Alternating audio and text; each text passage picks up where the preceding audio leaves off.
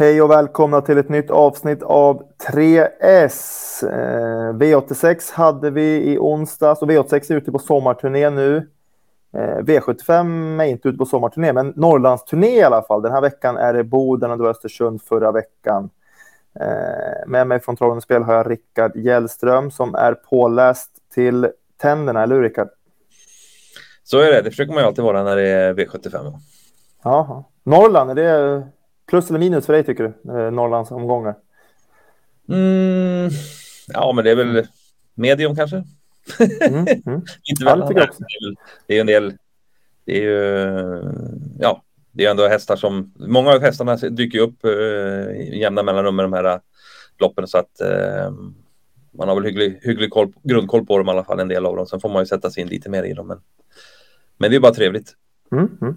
Någonting som aldrig är medium, det är jackpot. Eh, vi fick med oss 7,5 miljoner extra från V75-omgången på Bjerke söndags till den här potten. Så det ligger alltså 7,5 miljoner extra i sjurättspotten. Eh, ATG har en prognos att en ensam vinnare kan vinna alltså 34 miljoner, eh, vilket är nice.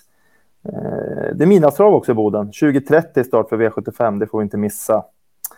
Eh, så nu har vi bett av det. Nu ska vi faktiskt gå till det som gör att vi kommer få sju rätt också. Det är rubrikerna. Eh, först ut är spiken.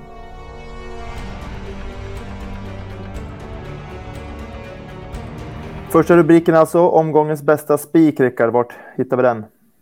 Mm, nu går vi till eh, V75 4. Där eh, vi spikar sex across the world.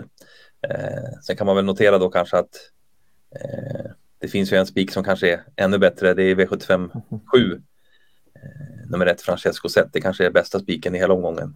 Men lite roligare spik och en bra spik. Det tycker vi att eh, Across the World är.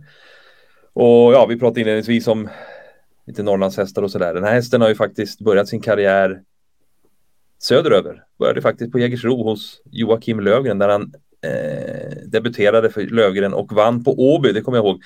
För eh, ja, jag såg det loppet och hörde Lövgren som eh, ja, lite småhyllade den här hästen att det var ett jäkla driv i den här hästen kommer jag ihåg att han sa där i, i vinnarcirkeln men att han sprang lite på halvfart. Eh, sen har jag faktiskt kollat, följt den här hästen lite till och från och nu finns han hos Oskar Kjellin Blom här sedan några starter tillbaka. Eh, och här har han också börjat leverera.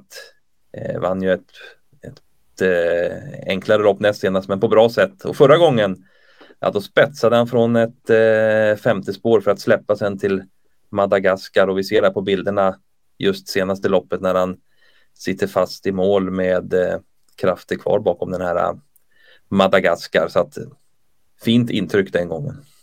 Mm. Spår 6 i voltstart ser vi. Eh, är det spets som gäller, tror du?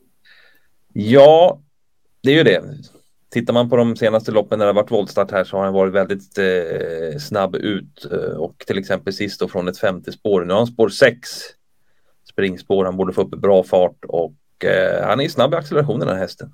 Kör sig dessutom av en eh, kusk där, Rickard Skoglund som är, brukar vara um, snabb ut själv med sina hästar och bra på att pricka starterna. Så att, nej, det här ser väl bra ut som en eh, sån här klassisk spets och slutspik eh, har vi tänkt oss på. Eh, den här sex across the world. Mm, snyggt! Spika sex across the world i V754 alltså. Eh, sen går vi vidare till nästa rubrik som är skrälloppet.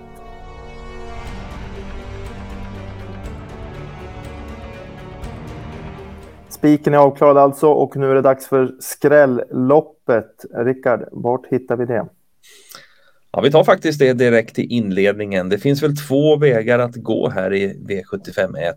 Eh, två Global Dash.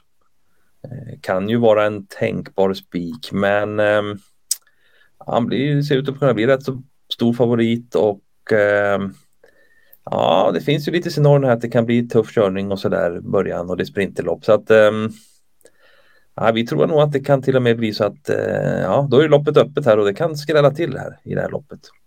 Mm. Och, vi ser eh, också på, på pengar att han är ganska ny i bronsdivisionen måste han vara. Och en fyraåring som kom upp så här. Det är någonting du tar liksom hänsyn till. Han har bara gjort 15 starter också så han är ganska orutinerad för V75 och bronsdivisionen. Ja, så är det och han eh, drog till med en seger på Sola sist han tjänade 150 000 kronor på ett brede.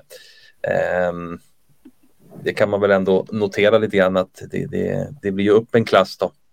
Men sen är det ju ändå som sagt, man ska väl ändå notera att han är startsnabb har bra läge och det är kort distans. Så att på så mm. sätt ser det väl rätt så bra ut. Men det finns ju en, ja, en del rätt så härdade hästar här i den här klassen och eh, som har varit ute i en del tuffa gäng. Och, ja, nu har vi pratat om skrällopp och pratat om favoriten så det är väl dags att nämna en skräll som vi ska lyfta fram här som en varning.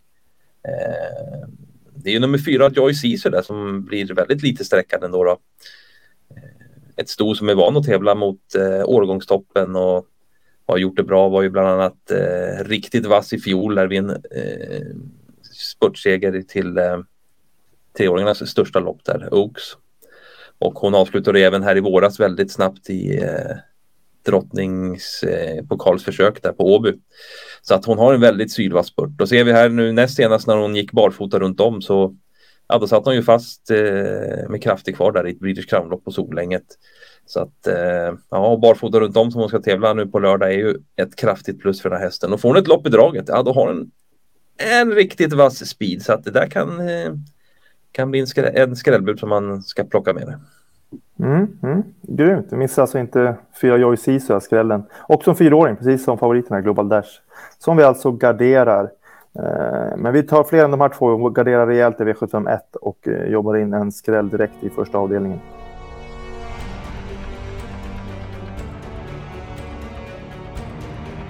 Tredje och sista rubriken alltså kommer här. Det är chaset. Eh, Rickard, vem ska vi chasa den här lördagen? Mm, nu går vi till V75 2. Ganska ah, jämnsträckat lopp sådär på förhand, i alla fall nu när vi spelar in det här vid torsdag lunch. Uh, och uh, en som jag ändå tycker har blivit lite uh, väl hårt betrodd här är nummer 5 Barolo Jean som ligger på runt 20 procent nu och det tycker vi är lite högt där för vi, ja, det är lite snett spår och um, kan bli lite sådär um, vingel, vingel från start och framförallt så kan det bli svårt att komma till ledningen också här så att nej, vi tycker väl att han har blivit lite hårt betrodd och att det finns ett par eh, lite roligare bud i loppet att plocka med istället för honom. Mm, mm. Jag personligen tycker att det är lite, brukar vara lite svårt för de här hästarna som står på start när det är tre volter som det är nu då om de inte kommer till ledning, eller ryggledaren eller ledningen ska jag säga, är väldigt bra. Men de andra som får gå i andra spår och dra fram de här hästarna som tillägg brukar vara ganska tufft ju. Och det är kanske det som Barologin ser ut att få, få göra här. Mm, jo, ja, men så, så kan det bli om man får, får löpa på där så att det är i, i lite tyngre väg där. Så då, då kan det bli lite tuffare för honom. Mm, mm. Och så är han ju rätt så hårt betrodd också. Ja, ja precis. Och som sagt, hade han varit så hade upplagt han kommit till ledningen är helt annat. Men nu när det vankas kanske svar invändigt också så är han lite sårbar där såklart. Mm. Ja, är det någon annan du vill lyfta fram istället eller räcker med chas?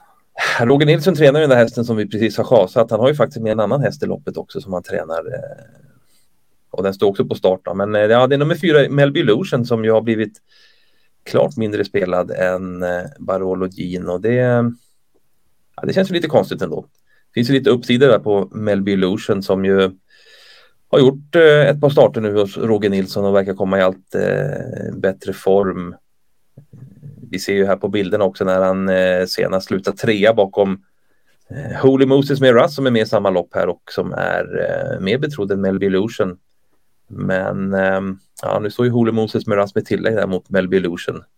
Så att eh, sen, senast så stod de ju på samma start eftersom det var bilstarten. Så att eh, det är lite uppsida där. Plus att det är barfota runt om på Melby Illusion den här gången. Så att ja, det, det är mm, lite konstigt att den inte har blivit mer betrodd än, än så här i nuläget. Men det kanske kommer nu när folk tittar på det här programmet. mm. Och annars tackar vi för att den håller sig lite spelad. Ja, exakt. Aha, exakt. Grymt, då var vi klara med de tre rubrikerna eh, till Boden. Eh, vi började med spiken som var nummer 6, Across the World i V754. Skrälloppet hittar vi i V751 där Rickard nämner framförallt nummer 4, Joy Sisu som man inte får missa. Sen chasade nummer fem, Barolo Gini V72 som vi anser är lite väl mycket spelad den här gången. Lyfter istället fram Roger Nilssons andra häst med fyra, Melby Illusion. Eh, återigen, glöm inte att det är jackpot, glöm inte att det är V75 start 2030 och glöm inte heller att följa Travonens Spels live-rapportering eh, där ni får allt det senaste och bästa hela vägen fram till eh, spelstoppet där. Eh, tack för att ni tittar och lycka till på spelen.